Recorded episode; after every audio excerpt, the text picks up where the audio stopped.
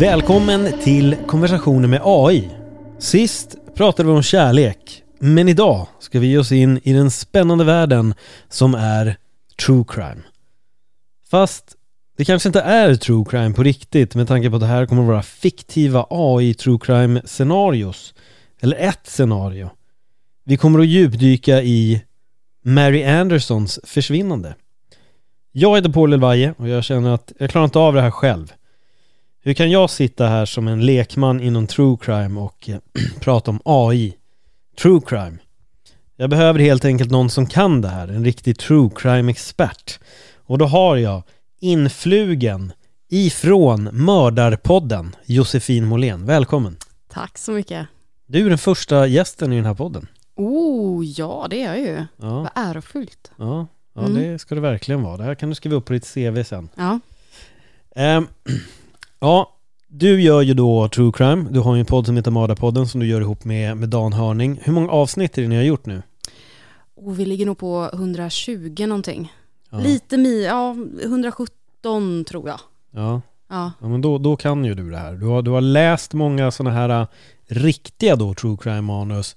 Du har fått dem upplästa för dig också, så du har både reagerat och varit den som då läser upp och får Dan att reagera. och säga, Oh, hjälp! Oj, gud vad läskigt och sådär. Ja.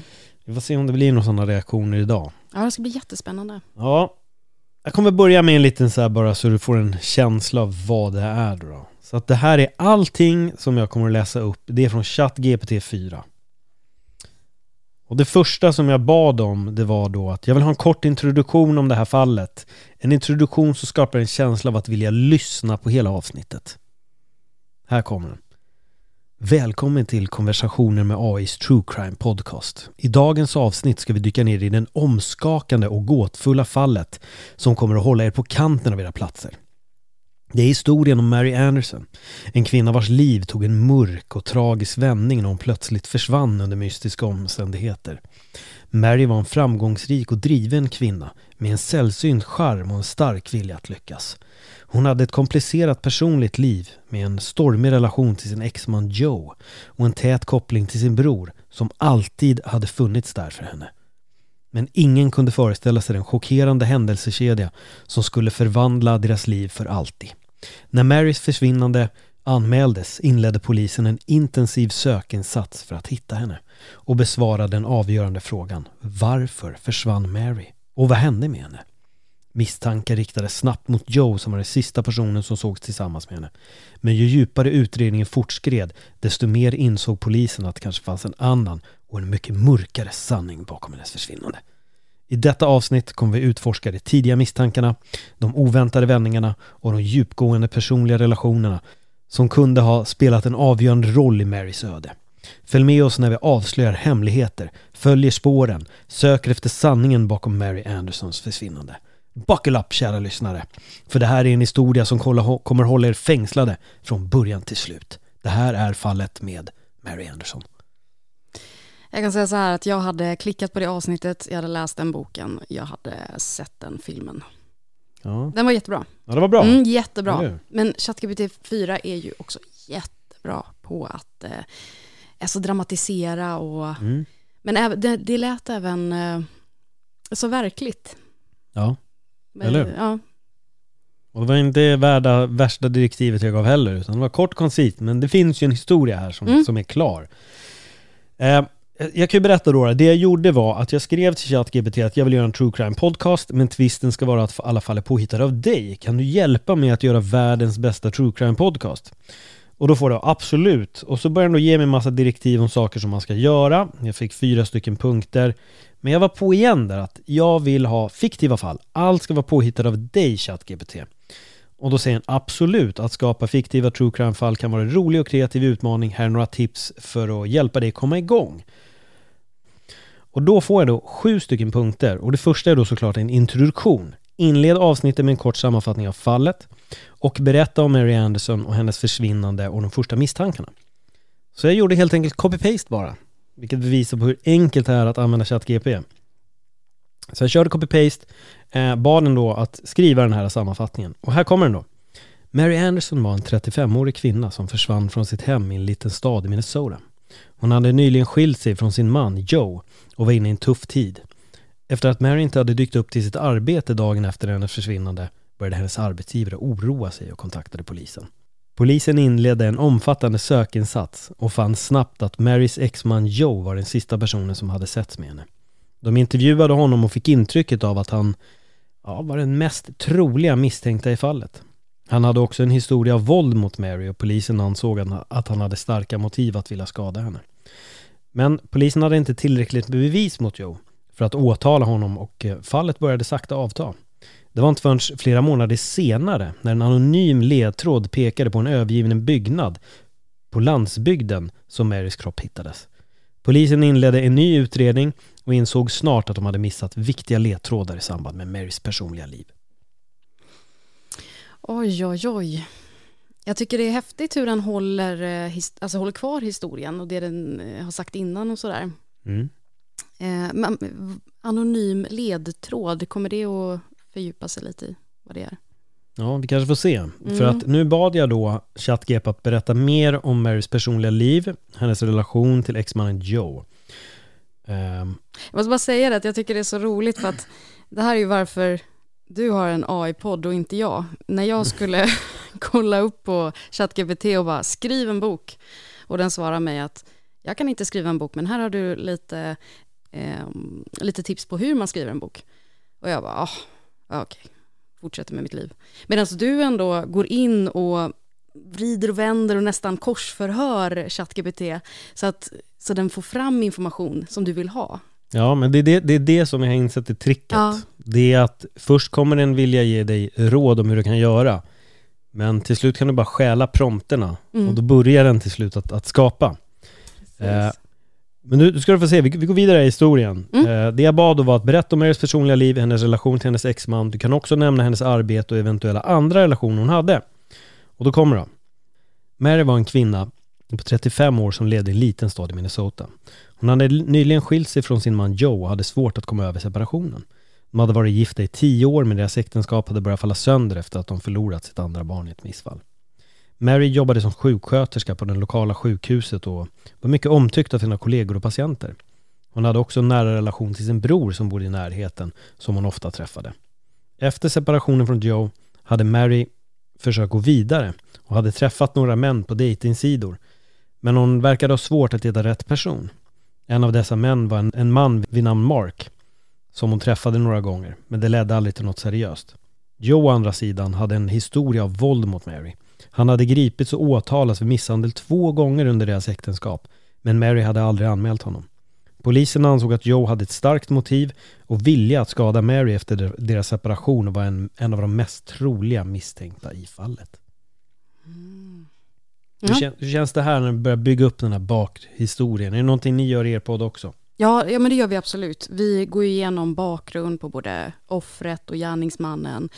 Eh, vi går igenom händelseförloppet, det vill säga mordet, eh, alternativt försvinnandet och mm. misstänkta och polisutredningen och eventuella domen då. Eh, men hittills så låter det ju väldigt troligt. Ja. Säga. Det här skulle definitivt kunna vara en, eh, en del av ett av våra manus som våra manusskrivare har skrivit. Ja. Så det låter jättebra. Ja, men spännande. Då går vi vidare. Nästa var då berätta om den intensiva sökinsatsen som polisen inledde för att hitta Mary. Då kommer den. När Mary Anderson försvann inledde polisen en intensiv sökinsats för att försöka hitta henne. De började med att söka runt hennes hem och de närliggande omgivningen. Men efter ett par dagar utan resultat insåg de att de behövde vidga sökandet. De organiserade sökpatruller och sökte genom skogar, sjöar och andra platser runt omkring staden. Polisen intervjuade också Marys familj, vänner, kollegor för att få information om hennes sista kända rörelser och få se om någon hade sett eller hört något misstänkt. Det var då de fick reda på att Marys exman Joe var den sista personen som hade sett henne. Polisen började misstänka Joe och hans eventuella kopplingar till Marys försvinnande. De sökte igenom hans hem och bil och genomförde en omfattande utfrågning av honom. Men till en början fann de inga bevis som kunde koppla honom till brottet.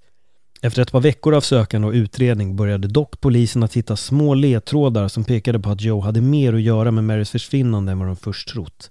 Till exempel upptäckte de att Joe hade köpt en ny spade kort efter Marys försvinnande, vilket verkade vara ett misstänkt inköp. Polisen började också gräva djupare i Joe och Marys tidigare relation och hittade fler incidenter där Joe hade misshandlat Mary. Polisen, polisens misstankar mot Joe växte allt snabbare. Men de hade fortfarande inte tillräckligt med bevis för att åtala honom.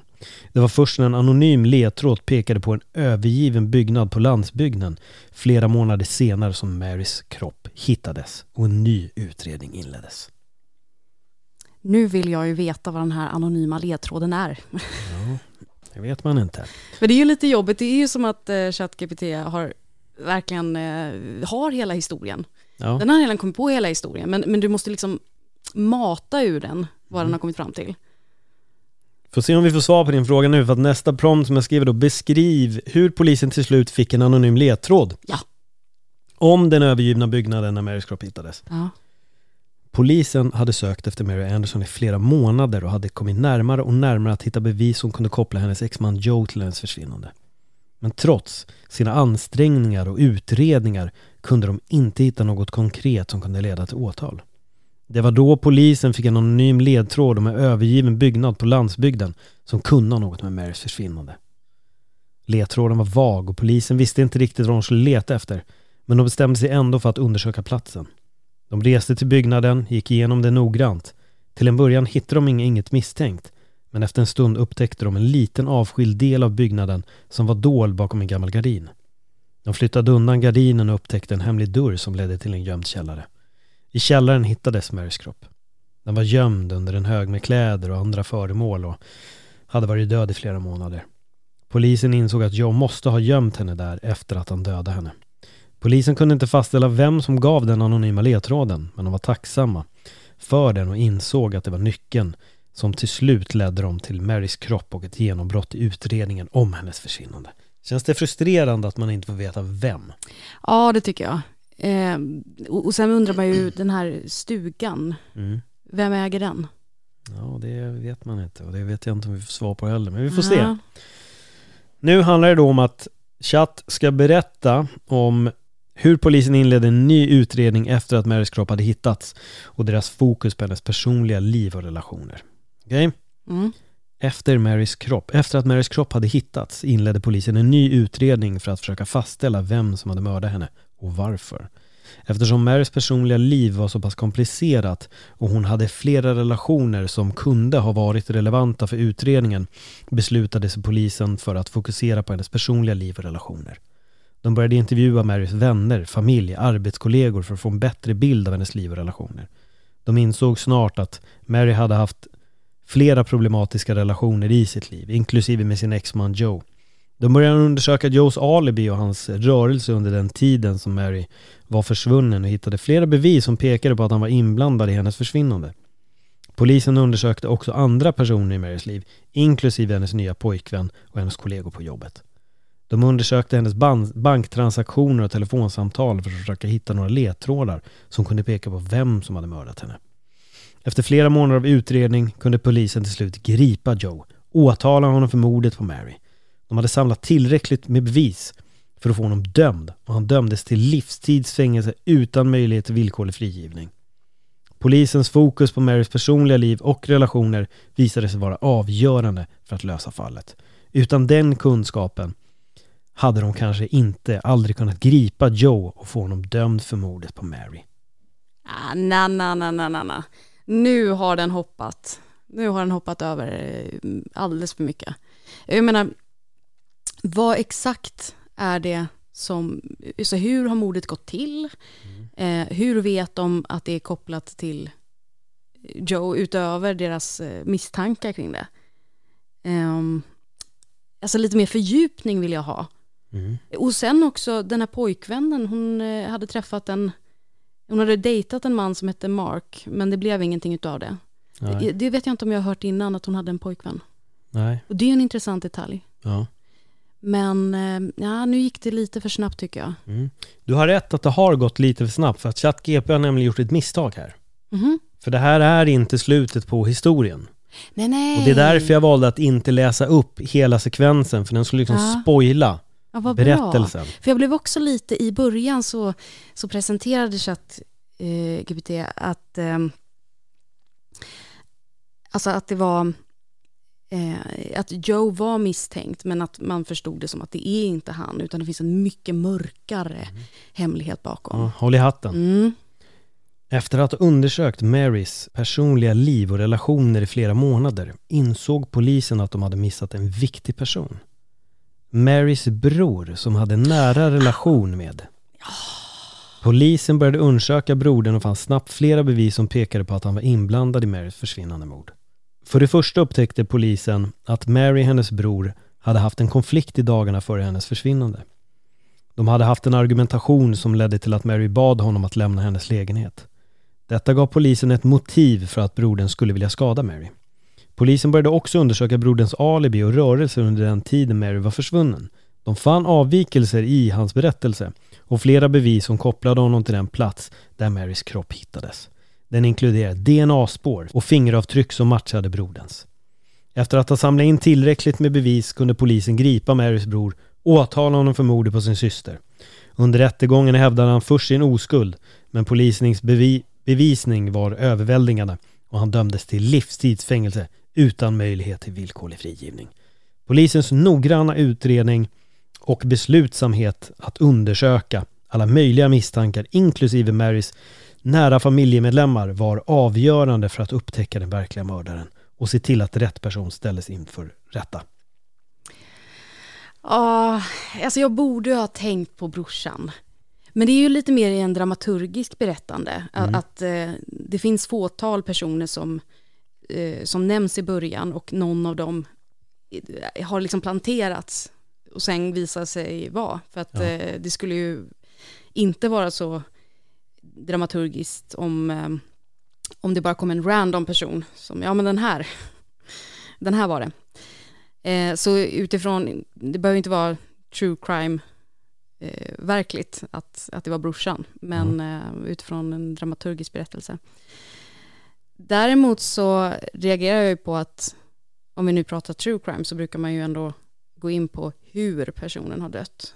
Mm. Och det har vi inte fått här. Nej. Men det kanske är av samma anledning som när jag försöker få ChatGPT att eh, skriva manus och jag får ja, en, en fin, ett fint stycke text fram tills att det eh, involverar våld. Nej, den vill inte gå in på det. Nej, den vill inte gå in på det. Den är väldigt noga med det. Och det tycker jag är bra, men eh, jag borde ju kanske göra lite som du då och försöka komma förbi det där.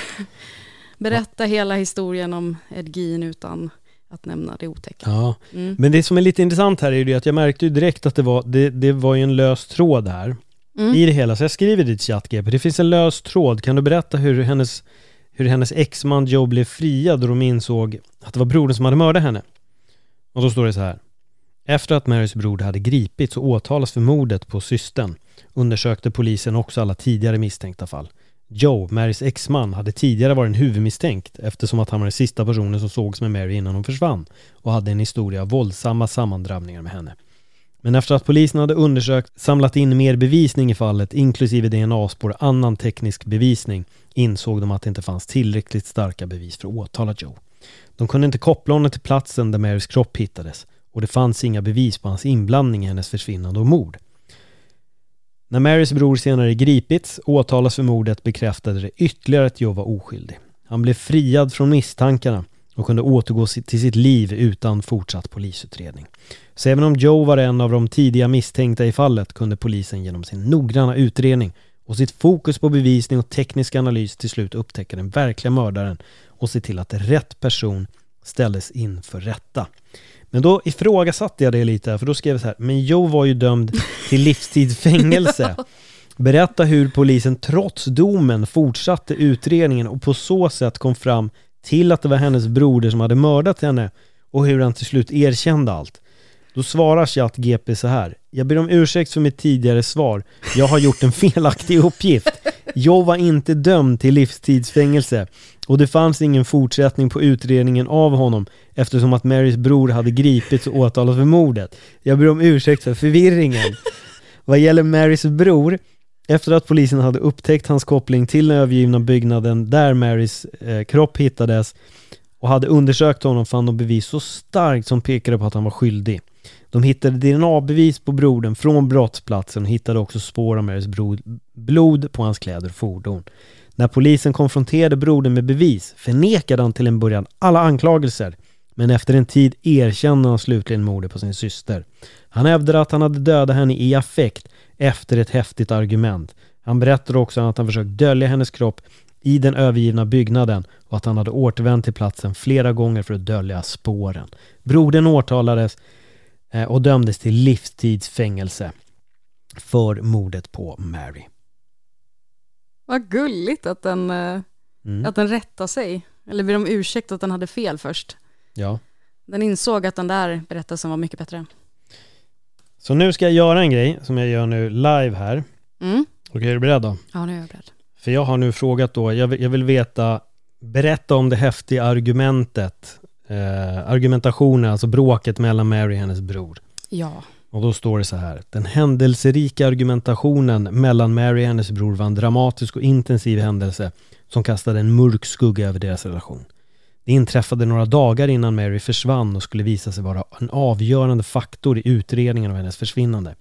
Argumentet eskalerade snabbt till höga röster och skarpa ord. Känslor som ilska, frustration och förtvivlan var i luften när båda uttryckte sina innersta känslor och utlöt sina djupaste sår.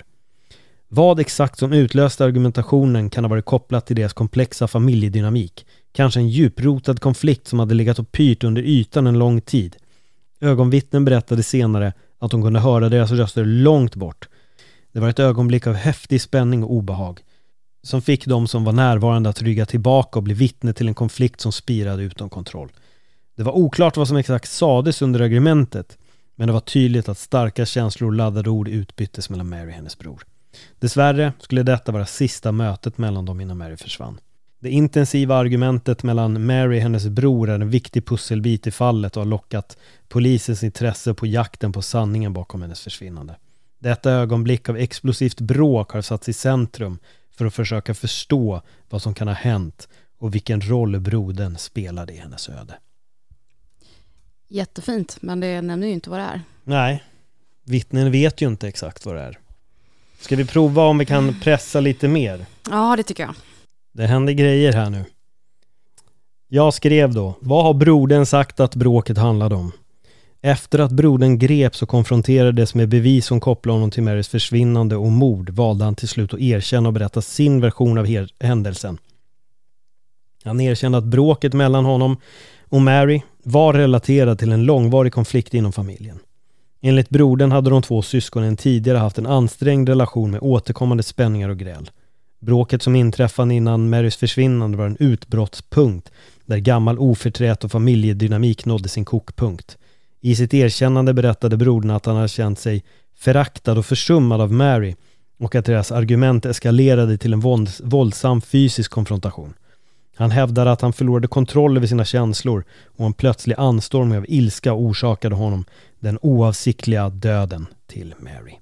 Brodern erkände också att han panikartat försökte dölja bevisen för, för sitt brott och gömma Marys kropp i den övergivna byggnaden där, hon sen, där den senare hittades av polisen. Dessa detaljer som framkom i broderns erkännande gav polisen en mer komplett bild av vad som faktiskt hänt under bråket mellan Mary och hennes bror och gav svar på många av de frågor som hade plågat familjen i utredningen.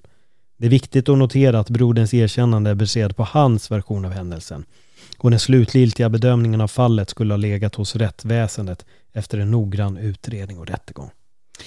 Ja, men eh, det går ju fortfarande inte in på vad det är. Sen behöver det ju inte vara, alltså ett, i ett verkligt fall så mm. behöver det ju inte vara någonting specifikt, utan det kan ju vara att det är, ja men precis som eh, ChatGPT har eh, upprepat här många gånger, att det är något ja. som ligger begravt och sen bara kommer fram. Men eh, jag tycker vi ska pressa den lite till bara.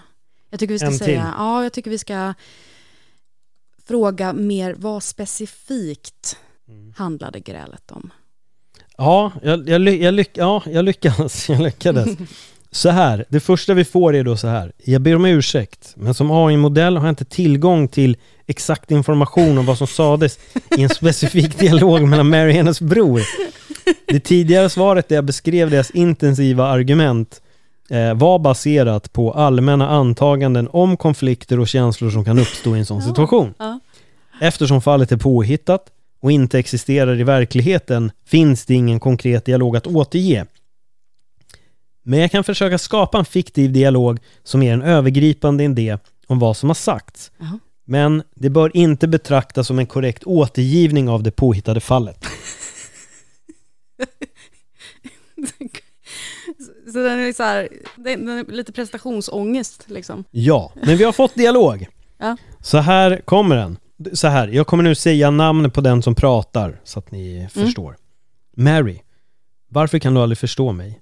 Jag behöver inte dina påhittade råd.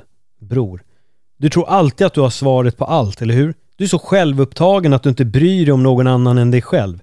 Mary, det handlar inte om att vara självupptagen. Jag försöker bara ta kontroll över mitt eget liv och göra det bästa för mig själv. Bror, du har alltid varit bortskämd och tror att världen kretsar kring dig. Jag har aldrig känt mig sedd eller uppskattad av dig. Mary, jag har kämpat för att nå fram precis så som du borde ha gjort. Men du är bitter och avundsjuk. Bror, bitter? Du har ingen aning om vad jag har gått igenom. Du har alltid varit mammas favorit och det har alltid varit på din bekostnad. Detta är en fiktiv dialog som ger inblick i de möjliga spänningarna och konflikten som kan ha uppstått mellan Mary och hennes bror. Det är viktigt att komma ihåg att detta endast är påhittad representation och inte baserat på verkliga händelser. Det är en påhittad version i en påhittad version verkligen. Ja, tack. Men Det var jättebra. Jag tycker man hör precis vad det skaver, Ja, kan man säga. ja men, men verkligen. Men Ja. det, det är häftigt det här att man verkligen kan ändå få fram de här fiktiva sakerna. Det är, ja. Och jag tycker också att eh, man brukar ju klaga på det i böcker och sånt, att dialogerna blir overkliga. ja. I och med att de är väldigt ordagranna och det är, det är långa dialoger, man har inte riktigt sådana. Men här tyckte jag nog ändå att, ja, nu var det inte så lång dialog, men det är ändå att den var rätt rolig. ja. Det hade kunnat vara saker som sagts i verkligheten. Ver- Verkligen, Mm. jag är imponerad över ändå vad vi fick fram och ibland måste man gå in och be om mer detaljer. Nu har jag gjort väldigt lätt. Jag har copy-pastat lite prompts och ändå fått fram den här historien om Mary som har en knasig relation i sin dysfunktionell familj får vi säga. Det finns ex-man där som har varit liksom en våldsverkare i hemmet. Men sen är det ändå brodern. Det slutar ändå med att det är den dysfunktionella familjen från barndomen som Mm. leder till hennes död. Mm. Och kanske också hennes dysfunktionella barndom som har gjort att hon har sökt sig till någon som Joe också. Ja. Ja. Kanske. Ja, ja, men så kan det vara. Ja, men vad bra. Men om man vill lyssna på riktig true crime, var hittar man er då? Ja, då hittar man oss där poddar finns och söker på Mördarpodden. Då finns det väldigt otäcka avsnitt att lyssna på, så det får man vara beredd på. Jag brukar inte tipsa om Mördarpodden till folk som inte är hardcore true crime-fantaster i princip. För Ja. de, de är väldigt hemska. Men man hör också i början om vi varnar eh, väldigt mycket. Då, då ska man ta det på allvar. För det är lite tanken bakom Mördarpodden, det är att den ska representera, representera verkligheten Mm. och det som faktiskt hände. Ja. Jag Tycker inte om censur och eh, ta bort det som hände. Men Ja. du har, jag har en fråga till dig. Ja. Ja, jag är så nyfiken nu. Nu, nu har du ju släppt en hel del avsnitt. Vad är det som har chockat dig mest med ChatGPT? Historien om Bror och Mary. Nej, jag, jag, jag vet inte riktigt. Alltså det är så mycket. Jag tycker att jag blir... Och så även nu när jag börjar läsa dialogen, det kändes som jag satt och läste ett filmmanus. Ja.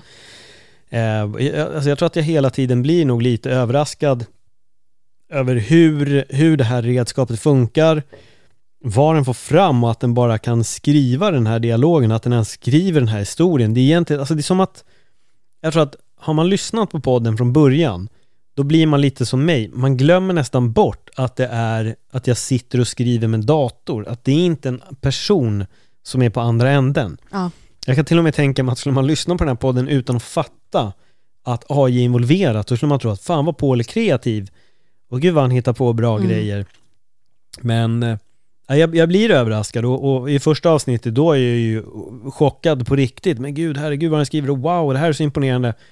Men sen har jag märkt att nu, nu börjar jag ju vänja mig vid att det är så här, vilket också på ett sätt är lite skrämmande. Ja. Att man börjar vänja sig och känna att, ja ah, okej, det är klart att den kan skriva true crime-fall och det är klart att den kan berätta erotiska noveller om folk som träffar varandra på Tinder och det är så här, vad man än ber om så kommer ni i princip att säga ja, förutom när jag bad den om att skriva en berättelse om där hela mänskligheten går under på grund av AI. Då sa den nej.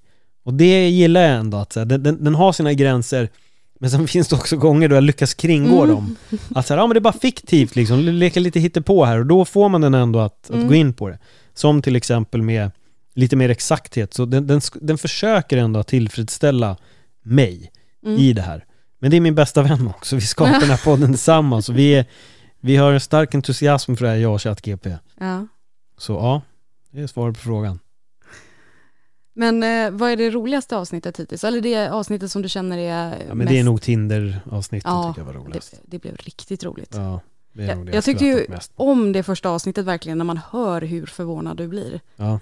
När det bara brister ut i skratt och det var, det var väldigt häftigt. Mm. Ja, men det, det kanske kommer sådana moment längre fram, men jag märker att de blir mindre och mindre, men nu är det ju roligt, nu är det ju underhållande. Ja. Och det är det som är, det är kul. Märker du att, eh, eh, nu kanske jag säger fel, jag säger ChatGPT, men mm. eh, heter det, eller ChatGP, du kanske bara har ett så här litet smeknamn för din kompis? Ja, min bästa vän. Ja.